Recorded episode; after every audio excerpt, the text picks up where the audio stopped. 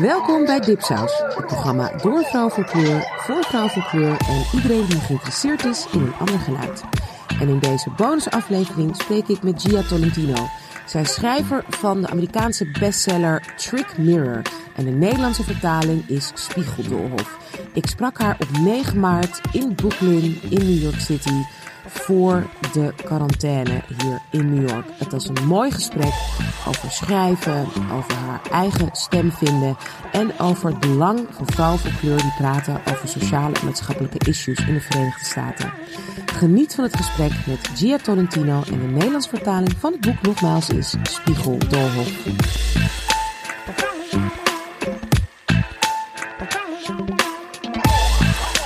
So um, here we are. I'm um, making this special Dip Dipsaus podcast in English, as you can hear. My name is Anusha Nzume. I'm with Dipsaus podcast. Uh, it's uh, voor vrouw van kleur, door vrouw van kleur en voor iedereen die geïnteresseerd is in een ander geluid.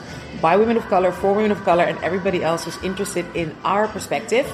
I'm here with the author of Trick Mirror, the uh, the Dutch uh, translation of it. Oh yeah, and let me just get my notes out. Maybe that's a good idea. Um, is Spiegeldolhof is the Dutch translation.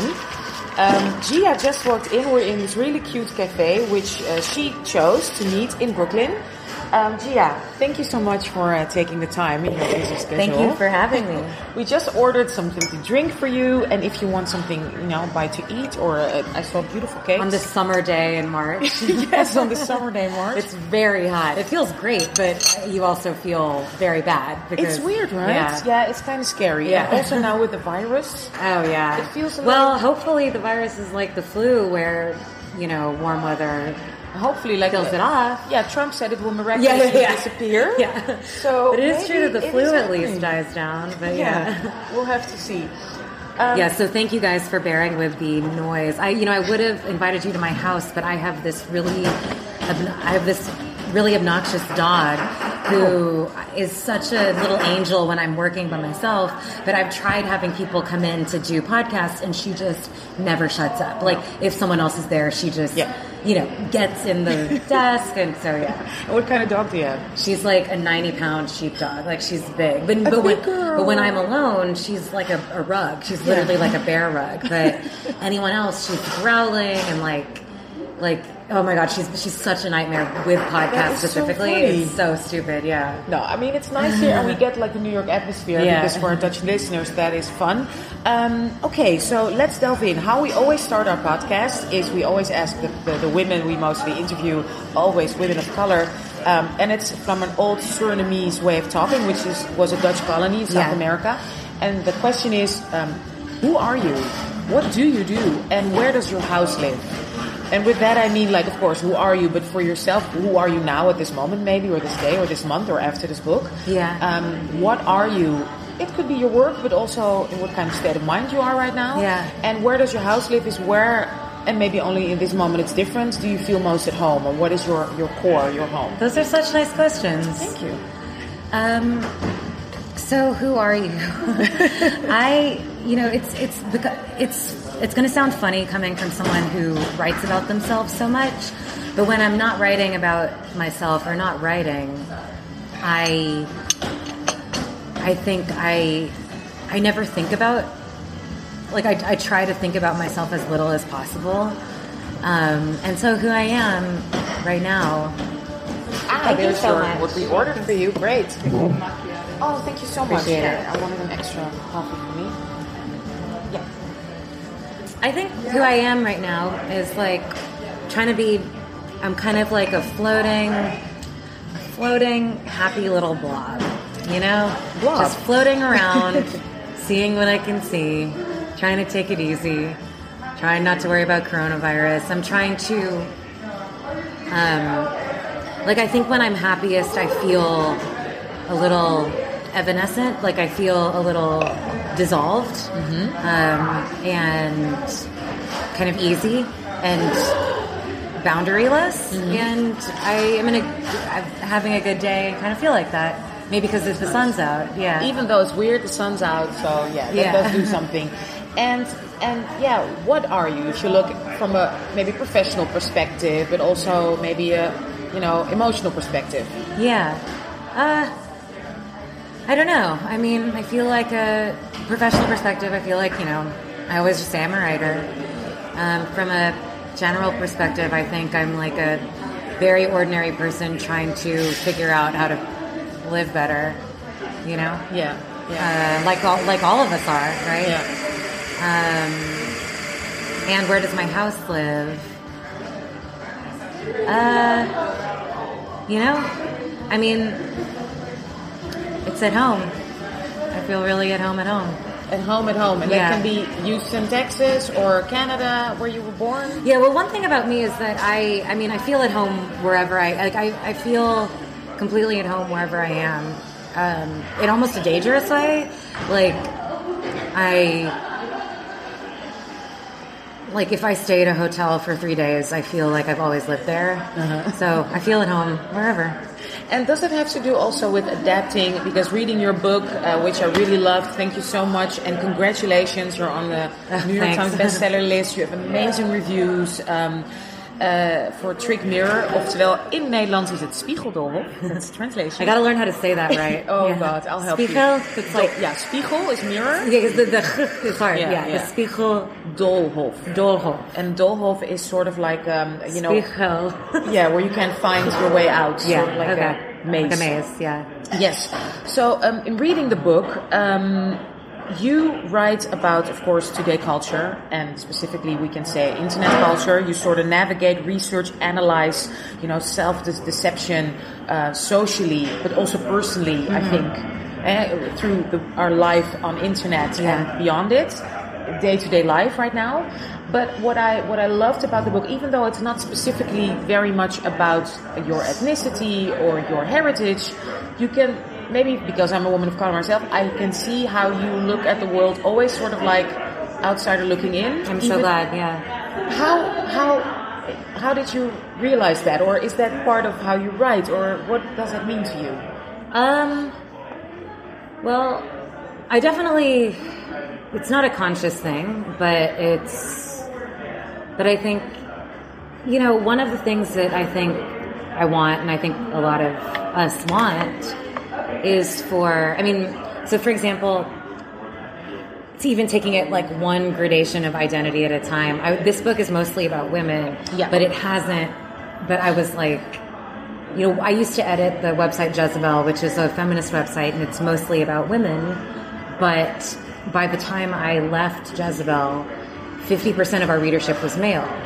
Seriously, And I was, and so I was like, there's no, you know, it's always been very obvious to me, right, that women's issues are people's issues, and you know, people of color's issues are everyone's issues, and queer people's issues are everyone's issues, you know. But you know, I think for a long time, you know, we're we're in this decade where the default is changing. The default perspective is no longer assumed to be like straight white man, you know, upper middle class, like college educated, whatever.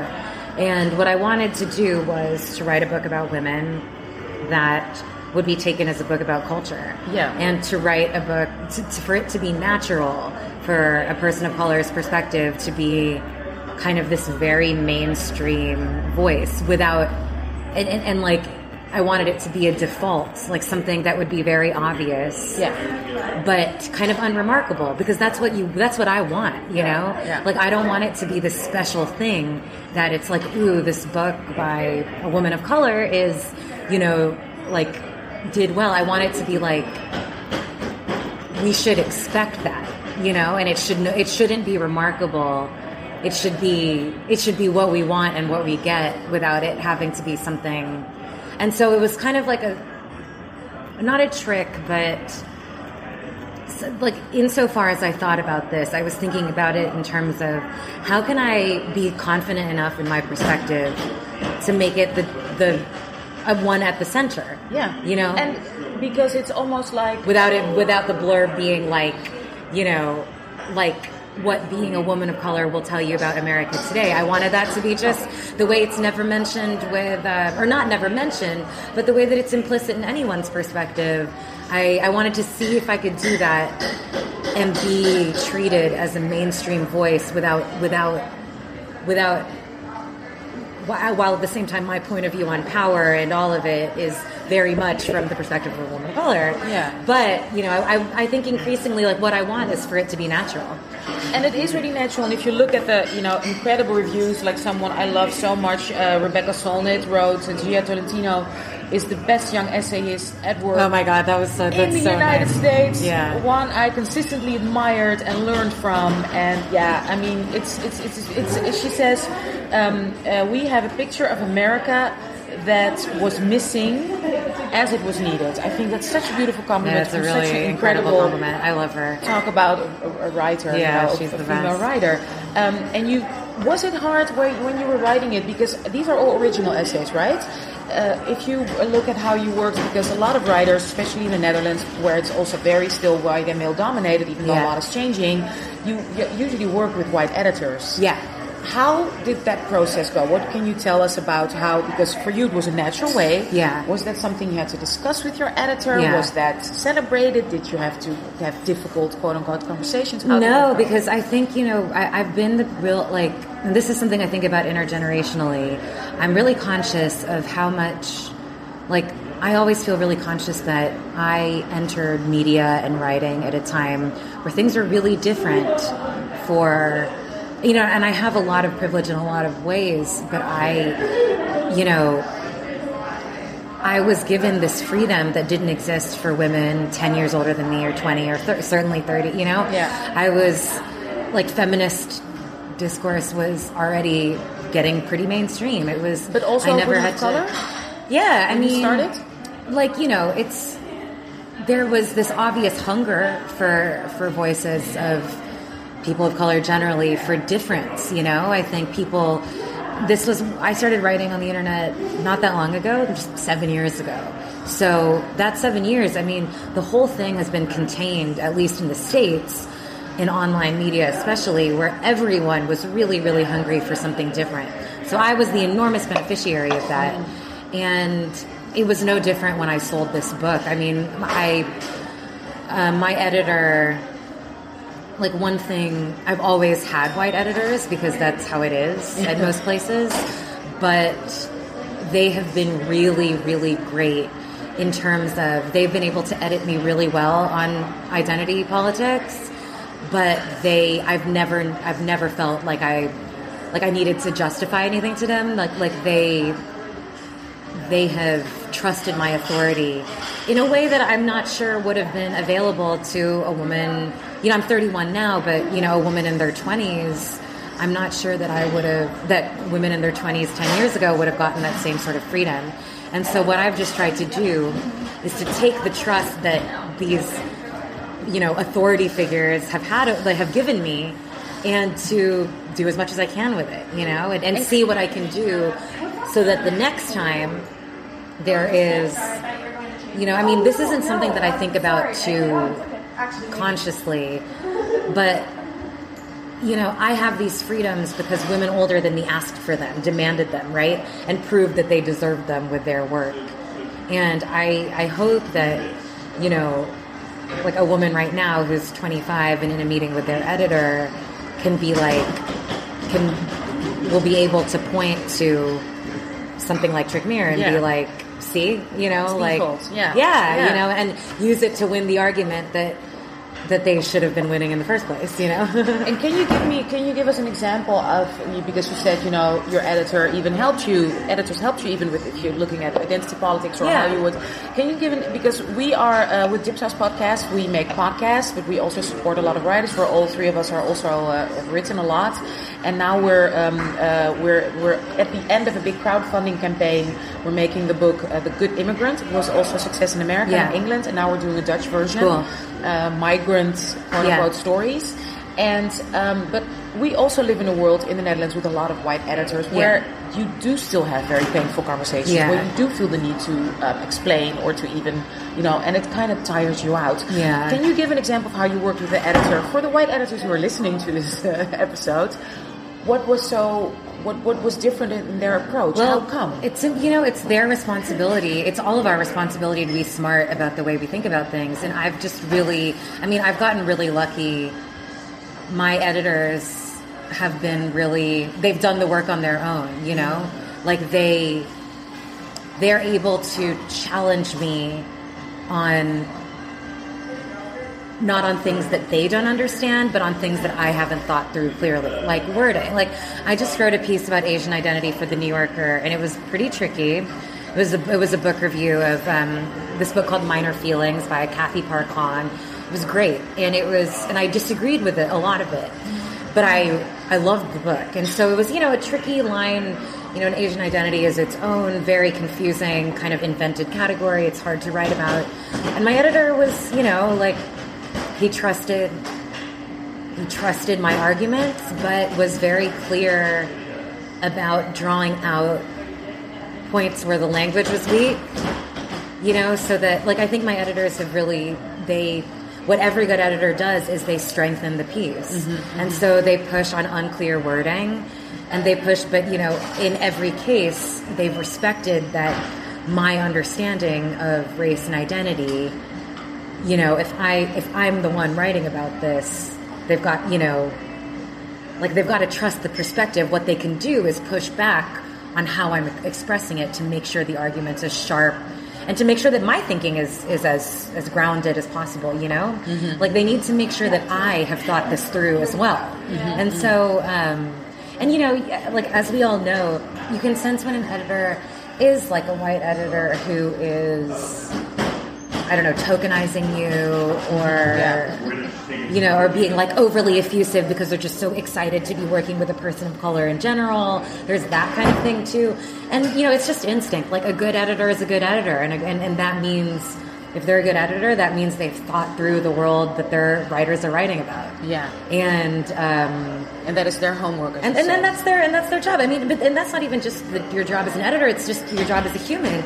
The way it's all of our jobs to think about matters of identity very carefully and to think about how to respect people and how to disagree with them and how to support them, right? Like that's like it's just human work and I've just gotten really lucky to be at a handful of places where my editors were really fucking smart about that stuff.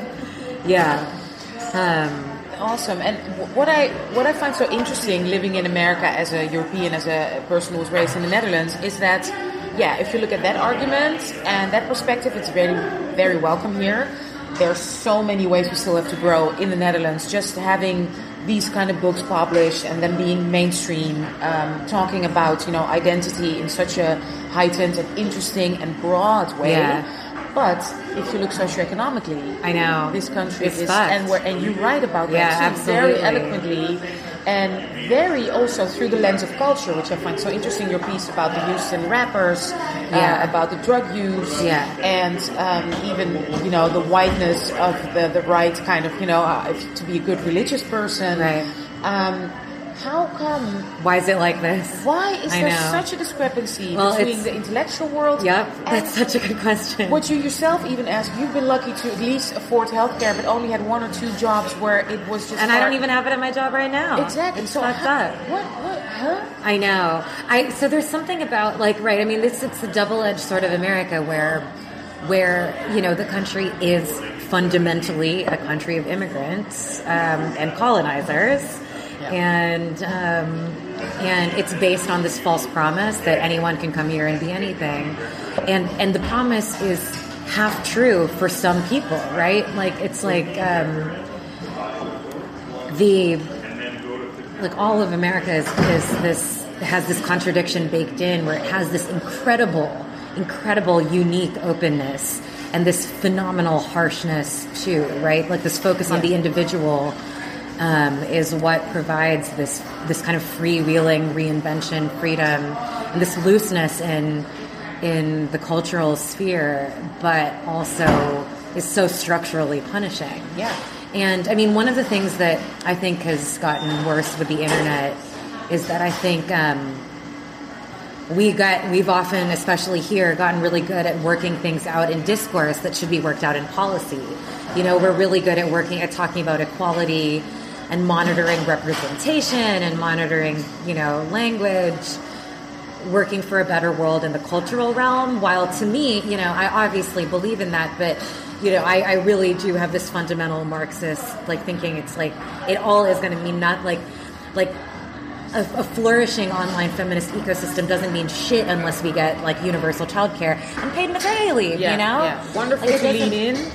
But yeah, and, and also yeah. wonderful that I can have a great job at a feminist website, whatever. But it doesn't mean anything unless I have health insurance and maternity leave. Which you know what I mean? have at Jezebel. Well, I Oh, would have had it at part- Jezebel. Yeah, Yeah, yeah, okay, Jezebel. but- Jezebel had it had a great. I had health insurance at Jezebel. That's the only job I've ever Ah, had. okay, because it was health owned by insurance Go- through. Gawker. Yeah. Yeah. Um, and and so I think there's this. but not at the New York Times. I have the New Yorker. No. Yeah. It's a New Yorker, sorry. Yeah, yeah, yeah. But, yeah, it's just. I know it's um, crazy. It's crazy, and and so I think that like it's it's really the, the two things are related, right? I think it's because there's this the, the sense of freedom that's that's intrinsic to America leads to this thing that leads to this everyone for themselves mindset in policy. Yeah.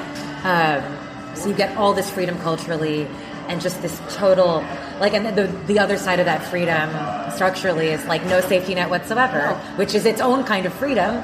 It's just a really bad kind. And, it's gotten worse. Like you even write that now, if you're the difference between somebody who's just educated or starts a job and the CEO of a company is like 200 Yeah, yeah, difference, yeah, yeah. whereas like 20 or 30 years like ago, it was- 19, yeah, yeah. and which is still bad, but Which is still bad, But but yeah, it- yeah, but fine. It's, So it's how- that's totally fine. So how, and because you write so beautifully how you understand those people, because you you know you come from a church, you Yeah. were raised in the South. Um, how come those people who need it as well, who see their jobs also going away to other countries and other factories, are against universal health care? That's a good question. Uh, Well, again, I think it goes back to that question of um, this this like fundamental mythology of America, where you know, I mean, well, like also just basic racism is a huge part of it. You know, like we can't like I never want to downplay that factor, um, and because I think that's been pitched to a lot of people as the answer, like. You know, you restore this country to white dominance, and then everything will be like the '50s again. You know, but I think you know, there's there's this like it's it's baked into this idea of America that like someone once said, you know, most Americans think that they're one really great day away from being a millionaire. You know, they Yeah. think that and once they get to be a millionaire, they don't want those taxes, you know? Like they but you know, in reality, most Americans are one really bad day away from total bankruptcy. But there's just something about the narratives that we've been taught to believe, which is that you know it could be you, right? Like the, I, I mean, I think a lot these days about how, um, you know, I mean, we're all just thinking about survival, like every day, right? Like just like. N- Not even necessarily on an individual level, although so you know I, I'm not worried about my own survival on an individual level at all. I have this great, comfortable life, but all we think about is survival generally, right? Like what, how on earth are we going to deal with these global crises? How are we going to, how are we going to do do right by our national, our local communities, our national ones, our global ones, right? How, like, how are we going to deal with a global epidemic? How are we going to deal with refugees? How are we going to deal with climate refugees? How are we going to survive as like a world? And and I think that, you know, there's a really powerful incentive as things get increasingly overwhelming to think all I can think about is my own survival, Yeah. right? Makes it easier. To, Yeah, like there's something like about a- it that makes it feel easier to control, right? It's like Yeah. I'll keep my head down and work Yeah, really just hard. not gonna look around and, and I'm not gonna like like don't make me take care of anybody else. I'm just gonna work really hard and take care of myself. And I think that's really baked into um, American thinking in a unique, really terrible way. Yeah. Because I mean, it's absurd. Like that's one thing that I mean, I felt really gratified and surprised that people are because you know so much of this book to me is about a condition of anxiety and insecurity that is produced by um, this really peculiar and idiosyncratic American lack of a safety net. You know, Yeah. it's this mismatch between like, how is it fucking possible that like I live in New York and can you know get on an app and order anything I want to my doorstep in two hours, but we don't have universal health care. You know, like how is it possible that I live in the richest country that's ever existed, and yet you know it's like, and then like we can't close New York City schools because of this pandemic because you know so many kids get their only meal of the day there right and, and you know and so much you know my thinking about like I, even my impatience with some kinds of feminism it's like why are we working all this out in discourse when we you know our reproductive rights are getting chipped away and like we don't we don't yeah. And we don't have these things that every other developed country has which are just you know fucking maternity leave you know and it's felt really amazing to me that other people from you know you know and not every country is in crisis in its own way right now god knows but like you know, like countries where it's kind of an understood right that you have universal health care. It's it's amazing to me that people and are still education, to be honest. Yeah. Because I mean, you, you you you speak about it in your book, but that's also such a main thing. You're like, my kids go to public school here because I mean, we have a good life. My husband works, I work. We can't afford private school for three kids. Yeah. Well, in New York, that means you have a big problem. Yeah, totally. So my kids go to a really nice schools. Right, there's a wealth and wealth disparity, yeah. The wealth disparity, even at the school. So, I even you know the education is good, the level of education is good, but the hardships they witness from a young age from other kids. Yeah. that's almost. I mean, I can't even believe it. That it's- that well, right. I mean, th- that neighborhood income determines your quality of Of- education yeah, is, is yeah. ridiculous, and it should be illegal. Yeah.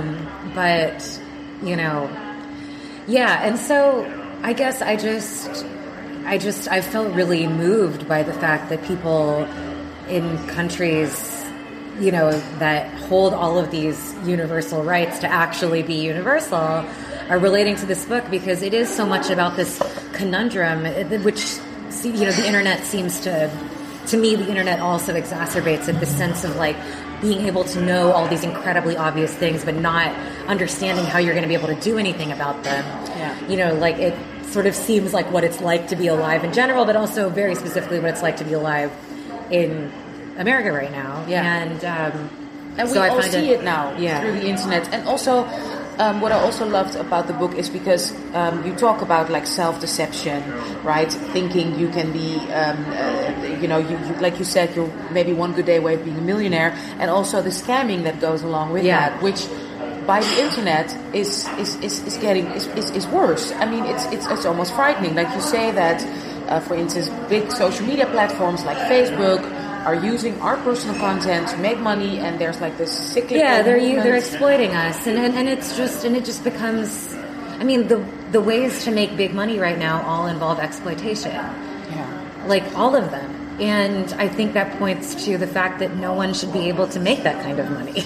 No. It's you know Yeah. like like that's really what it points to. Like nobody, like there should be no billionaires. There should be you know I mean to me I would put the wealth cap at ten million, let's say, and that even seems pretty high. You know, and like I think that like at this and I think it um you know even with like it, it this sort of grim humor develops around scamming people you know like like my my group chats I love are, the essay about that. yeah like my, my group chats are always talking about like what's our like what are we you know like we're gonna resell purell on the street you know like it's and it's a joke but but it's like this gallows humor of like you know we're all being scammed just by using the internet or It's unbelievable. Like it's so funny. So I'm on Instagram, of Yeah. course, because okay, that's also something I want to talk to you about. But let me just give you this example first. And I'm, uh, you know, as I'm approaching, uh, you know, uh, uh, 50s, I'm looking at my hair and it's kind of getting Never guess that, but- So I think you did. Does everybody hear that? so I was looking at stuff for hair, and Yeah. now Instagram won't leave me alone. So I'm looking at your feed or at other people's feeds, kind of like you know, and then I keep getting these annoying ads of women who like, oh, I was bald now and I have a full head of hair. Yeah. But not like one company or two or three, but like 65 companies. I'm Yeah. like, Well, they read your, you know, if you use Gmail, they're like every, they're reading your Gmail. Oh, like it's, like it's, and I think it, it's inducing this sort of passivity in terms of like, we're already being exploited. What can we do? yeah. I feel almost like, you know what, I'll order something. Maybe they'll leave me alone. Seriously. I know, I know, and it's also like we. I think, I think the thing that really bothers me about that is I think it's just a really subconscious habituation to exploitation as Yeah. a normal state of things, and because the internet is so much a part of everything we do. You know what? What surveillance capitalism is doing to our sense of ethics? You know, I, I think it's really eroding them. I think it's really making us used to surveillance and really used to this sort of um, commodified identity and really used to this thing, this idea that like even just this ex- like a an ontological reduction of humans to like whatever can be categorized and branded, you know? Yeah. Like I like there's just this real like slow, slow, slow corrosion to it. Yeah, completely. If and I think for me, because like I said, I'm 50, so I was brought up without the internet and reading, especially the start of your book, how you were raised with already that Yeah. being there. For me, I remember, you know, 1995, you know, I was 25. Ooh, oh, there's something going on, and yeah, well, not interesting. Yeah, and then yeah. only a few years later, Yeah. I was almost 30. I was like your age now. I was like, oh, let's get on that World Wide Web. Yeah. You were then 10. Yeah. I mean, I'm 20 years older, so there was for you there was not even another way of living, Yeah. practically. And so I was just wondering because for me, especially being a woman of color in the Netherlands, we're building our we have our own you know company, we have our own we're an independent podcast. Now we're bringing out this book. You Yeah. know, I also wrote a book on white privilege, and the only reason why I could sell it, why you know I could be known in the Netherlands and our podcast is known, is because of also the internet. Yeah, of course. So because we're not, we don't need like somebody to like Right, there's been this- commercial, whatever. Right. So there's for me, There's this democratization. yeah, and yeah. some positivity, and at least it's not so expensive. Yeah, yeah, yeah, yeah, exactly. So is it easier for me older that I can just because I never have I switch everything off I, I don't post for months whatever yeah. is how is that now for you guys for you in your 30s and how is it for my daughter who's 16 Yeah. what where are we going I know. Um, I don't know. I have to. I personally have to use um, apps to block to block myself off the internet. I can't do it on my own, but I do it. Like uh, I, I have to. I have to use a program that will prevent me from opening. Like I, I have it from. Doesn't it help just if you, because I have no notifications so Oh, yeah, I've- I've never had notifications in my but life. still then you just go go to it all the time Well, part of the problem is that so much of my work involves the internet. Yeah, you know, course, so yeah. much of what um, I write about current events, right? So there's, and I often write about the internet. So, so for work, I mean, often for work, I my research involves checking people's Twitters, like, you know, like it, Yeah. it like it's it's the nature of the things that I write about. So, if I'm working, if I'm gathering information, social media is almost always a part of it. Like all of the pieces I've, Yeah. I've written in the last since I started at the New Yorker, I mean, they they require an intrinsic knowledge of, of kind of online discourse, kind of. And but so yeah, I, I have to. To me, my self control is not good enough. Yeah. But I, but I, but I find, I mean, to me, I always think like, I mean, the internet's been great. For, like, the internet is also the reason I have a career because I did had no connections, didn't know anybody, didn't live in New York, and was able within a very short amount of time to get right in the center of this very like old mainstream publication because of the internet made me easy to find you know and it wouldn't have done you know like that's Yeah. something that didn't exist before and and so and i generally like i try to use the internet like to me i'm like you just at least have to try to have a good time. Yeah. And for me that means not using it that much. And you know if, if i use it so much then i feel like i can't concentrate and anxious and whatever. And so i i, I just block off like you know i'm like mm, i'm feeling compulsive. I'll just block it for three hours and whatever. Yeah. and that's how i do it. But I can see the difference. Like with, I have two daughters. One is uh, 16 and one is 12, and already even the difference between them Yeah. is so big. Because my 16 year old, okay, you know, there weren't so many online games when she was small. She played way more outside with other kids. With my youngest, she Yeah. was raised with online gaming. Yeah, And totally. kids not meeting up after school, but meeting online. Did she, be, did she like get used to the iPad swiping like really early? really early? Yeah. and especially and especially like kids like know how to like Oh. watching toddlers like you know like pull up the iPhone camera and look at the Yeah. dolls. I'm like, oh my god. If they if you give them this book, they're going to start swiping I it. know, and they're I like, know, oh, they're not gonna know it. what to do. No. Know. So my youngest too, and also like now we're, we moved to this country a year and a half ago, Yeah. and for her to make friends, it was easier to make those friends online, the kids in Yeah, her class, totally. than inviting them home. I know. Are we raising our kids the wrong way? Like just like you know, in the seventies was normal to smoke to, to smoke and drink while you're pregnant. Are we now in ten years we're going to be like, oh my god, what have we done to our kids? I don't know. I mean, you have to tell me. Like, I haven't told many people this, but I'm pregnant right now. Oh my god, we Yeah. have an exclusive. Yeah. Congratulations. Um, and yeah, it's still like kind of, you know, I'm still at like 15 and a half weeks, so it's like a little early. I haven't, like, you know, I haven't like posted about it or anything, but, um, but you know, I, I definitely worry about that. Yeah. You know, I mean, like there's certain things. You know, my partner and I, we've never had a TV, for instance. Like we're pretty, but but we both use our phones all the time. Yeah. You know, and uh, and I certainly like, you know. I can easily imagine that there will be times when I'm like home with a baby and I'm like, I need to fucking finish this Yeah. draft. And I'm like, watch the iPad. Yeah. You know, like leave me alone. Yeah, here you go. You know, like I, I think it's really hard. Like I, I have no idea. You know, every parent navigates it the way they can. But you know, but one thing that, like, I, I certainly think that people's, their like your kids' brains are way different than yours, than Yeah. yours. You know, than even mine. You know, it's like it is. It is absolutely fundamentally changing their relationship to attention. Yeah. You know, which is scary. But you know, there's something like I spent all like like you said like moms in the 50s that smoked and drank throughout their pregnancies like you know some of the sometimes that turned out badly but often it turned out just fine.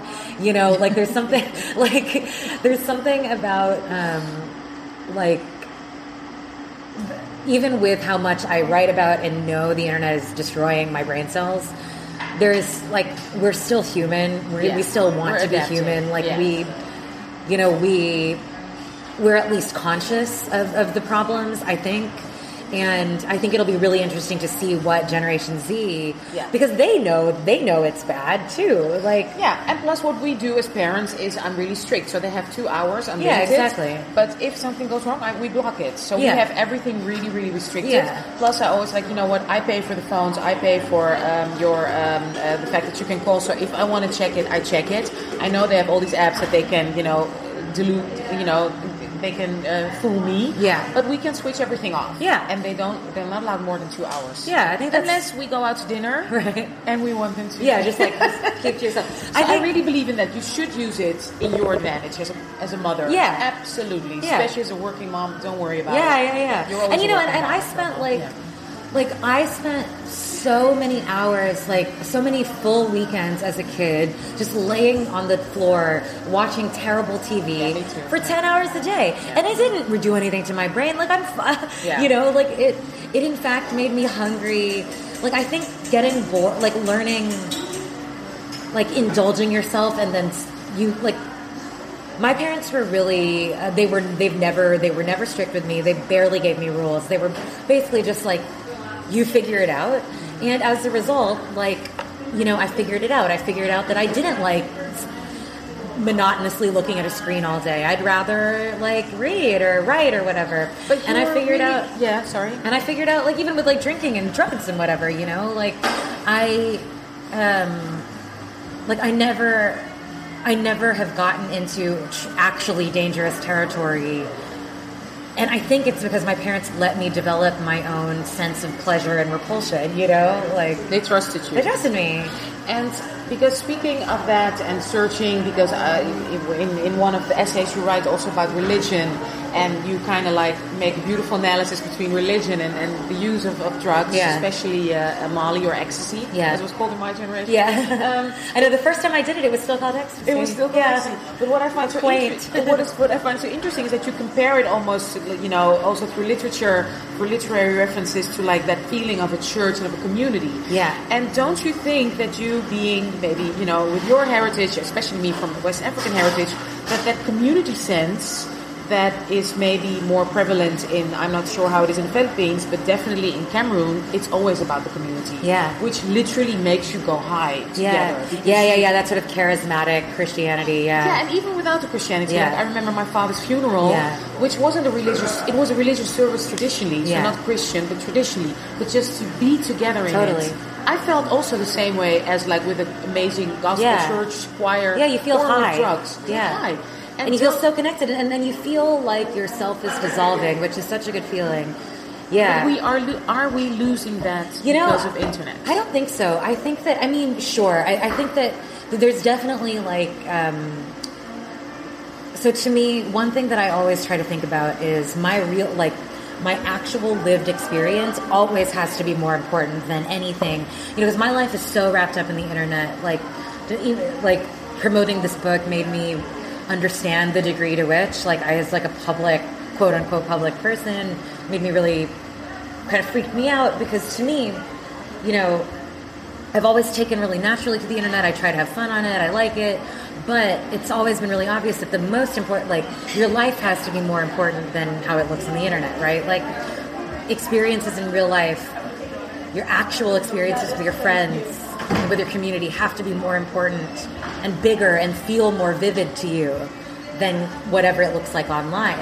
And to me, as long as my actual experiences feel are the things that really pull me, then the internet, I'm not, I'm not, I'm never worried about the, the internet that much because it's like, as long as that's in balance, right? As long as one thing, the thing that's more important is actually more important.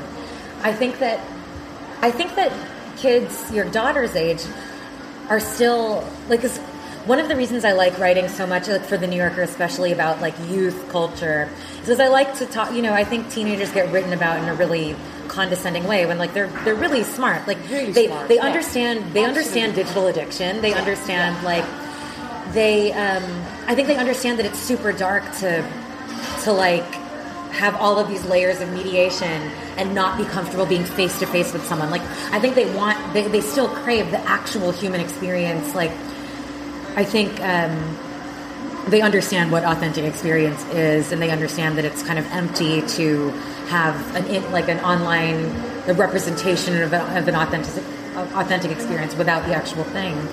And so I think that like I think that the internet in a lot of ways makes people even hungrier for like unmediated in-person experience. And I think like I think that that hunger won't go away and will probably intensify as mediated experience becomes more common, right? Like we'll crave the opposite. Yeah. You know, like maybe these opportunities will be rarer and they'll be harder to but I think, you know, I mean you think about like like even just what's going on with the Democratic primary right now, like online, like talking about Bernie Sanders online is one thing, but actually getting out and canvassing, you know, it's completely Yes. different.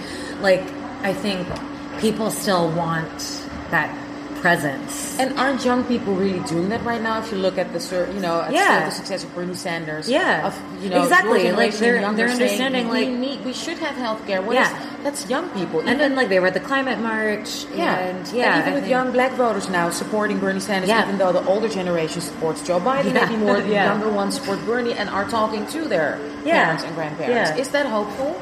To me, it is. Yeah, absolutely.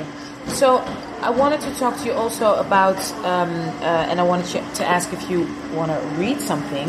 Okay. Um, because I love um, your part about the pure heroines Mm. and how you realize yourself, like, yeah, you know, maybe to be a heroine, I should, I, you know, what, what does it actually mean? Can you explain for our listeners? Because I thought, is this one of your more, more personal? Um, Yeah, I mean, the thing is, I I don't really think about that because it's like I, you know, as you can tell, maybe I like I'll talk about anything. Like I'm a very open book, and so I didn't really think about. Like I feel pretty comfortable putting myself in an essay. So I mean, I, I guess so. Yeah. I love because especially this ending. Can you start? Do you mind reading Sure. it to the end? Yeah. start with, I'm writing this. Yes. Okay. In writing this, I've started to wonder if, through refusing to identify with the heroine, I've actually entrusted myself to her. If, by prioritizing the differences between us, as the Milan women did with each other, I've been able to affirm my own identity and perhaps hers too. In Sexual Difference, the Milan women write about a disagreement they had while discussing Jane Austen, during which one woman said flatly, We are not all equal here. The statement, quote, had a horrible sound in the most literal sense of the term sour, hard, and stinging, they wrote. But it didn't take long to accept what for years we had never registered. We were not equal, we had never been equal, and we immediately discovered that we had no reason to think we were. Difference was not the problem, it was the beginning of the solution. That realization, they decided, would be the foundation of their sense that they were free. I cling to the Milan women's understanding of these literary heroines as mothers. I wish I'd learned to read them in this way years ago. with the same complicated, ambivalent, essential freedom that a daughter feels when she looks at her mother, understanding her as a figure that she simultaneously resists and depends on, a figure that she uses cruelly and lovingly and gratefully as the base from which to become something more. Thank you so much. Yeah, really beautiful. So now you're on this journey, you know, of you know your daughter, and now you're becoming a mother. Um, what what what what is? How are you feeling creatively? What's what's in store for you? What's your next step? I don't know. I never think about the future. Like I really, it's interesting. I, I don't know. Like I think having a baby will change that because you have to think about the future, and your whole body is oriented towards a future. You know, but I, I really, you know, this book was the first time I had thought even two years into the future. I always like. I think I've grown up feeling that everything is so uncertain that you know all you can do is just literally do your best on an hour to hour basis. And that's it you know? So i don't know. I have no idea. It's going to take me a long time to write another book again. I found um, like it it was much more it, it, did much better than i thought. More many more people read it than i thought were going to. But like it that kind of terrified me in a lot of ways. Like suddenly, you know, I became a more quote unquote public figure. Yeah, the voice of a I became- generation. God, right? Which I like. I, I hate. I hate that description. And you know, like, it's, yeah, people were so kind. I think the book was really, to, in my mind, the book was really overpraised, and so I have become identified with this extreme praise of the book that I don't really even agree with at all. And um, and it's been strange, you know. So I have no idea what's next. Take your time. Yeah, Take I'm just gonna chill. You're creating. Yeah, Just chill. just chill. So we always end our podcast with like you know a little dilemma. Yeah. Um, I'm gonna give you three names. Okay. And you have to do one thing with each of them, and Okay. you have to tell me also why. Okay. And what you have to do with them is, or with with which with whom are you gonna go drinking? Okay. And let's pretend you can still drink alcohol if you want to, but if you don't, I can drink. I have a glass of wine here and there. Come on. so drinking. The other one is dancing. Who do you want Yeah. to go dancing with? And the third one is who do you want to go dip saucing with? And dip sauce, that's the name of our podcast. That means like being in constant communication via WhatsApp, sending each other pictures, Cool. our, our boyfriends, of our cats, Yeah. of something we see in the streets, and just constantly yeah, at night, early in the morning. Yeah. uh, should I go on the pill? Do I need hormones? Like Yeah. that kind of Yeah. conversation. and you can decide who you do what with. Okay. And please tell me why. Okay, so the first name I have for you is Sheryl Sandberg. okay, you, can you give me all three at once? Yeah, yeah. Sheryl Sandberg, I have Uh-huh. for you. I have for you Gwyneth Paltrow. Uh-huh. and I have for you Kim Kardashian. Oh my god. Oh god. Um, okay, so of the three, I definitely think Gwyneth is the coolest. She definitely seems like she, like she has a good sense of humor, even though I hate goop. I think she, you know, she knows. She, you know, she knows it's ridiculous. Isn't she the So, okay, biggest so it's- of this? Yeah, yeah, yeah, totally. um, okay, so it's Gwyneth, Sheryl Yeah. Sandberg, and Kim Kardashian. Yes. So Gwyneth, I would definitely. So I think she's the coolest. So I'd want to be in dip sauce with her. Okay, so it'd be dip sauce. Uh, and maybe convince her to stop with goop. Yeah, Kim, I'd want to go dancing with because She can't dance. because she would she would probably like her entourage could be you know because like maybe then maybe then she'd be out with well her and Kanye are like not going out right now. But but it's like that would be it's not because I think she would be fun to go out with but because her friends would probably party Yeah. and probably there'd be some interesting musicians or rappers or whatever in the mix you know? Like and then Sheryl Sandberg yeah I would love to get a drink. I mean she she what i appreciate about her is that she at least walked back. The fact that lean in doesn't fucking work or you know what i mean like Yeah, you know yeah, doesn't no. work past you know As being white, educated, uh, Yeah, and- and- and, like- yeah, of course. yeah like it's easy to easy to lean in when you can pay for full-time childcare but you know Just like do it, yeah. yeah it's like every like right it's, it's so insulting to like minimum wage moms you know what i mean it's like you don't think they're fucking working as hard as they Oh. you know it's like how do you lean in when you're working for minimum wage at an amazon warehouse Yeah, like it's like you can't No.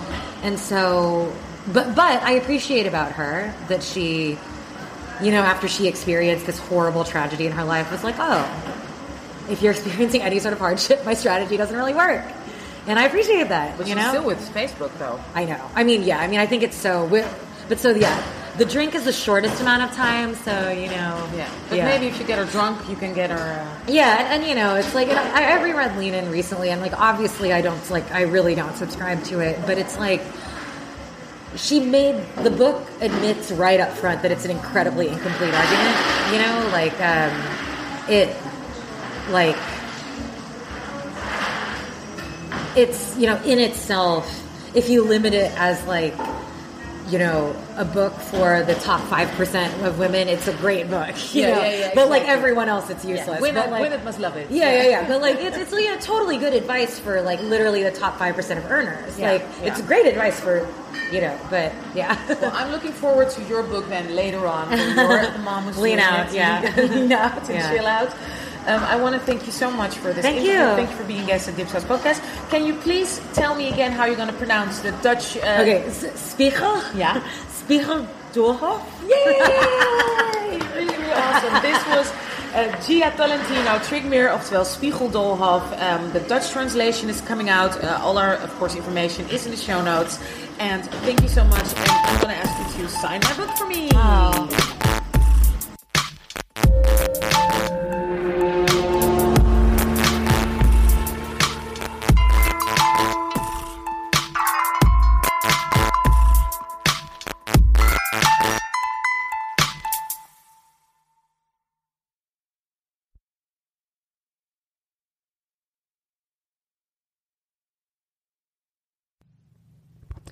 Ik hoop dat je hebt genoten van het gesprek met Gia Tolentino. De Nederlandse vertaling is Spiegeldolhof. En wij mogen vijf exemplaren weggeven aan jullie lieve luisteraars.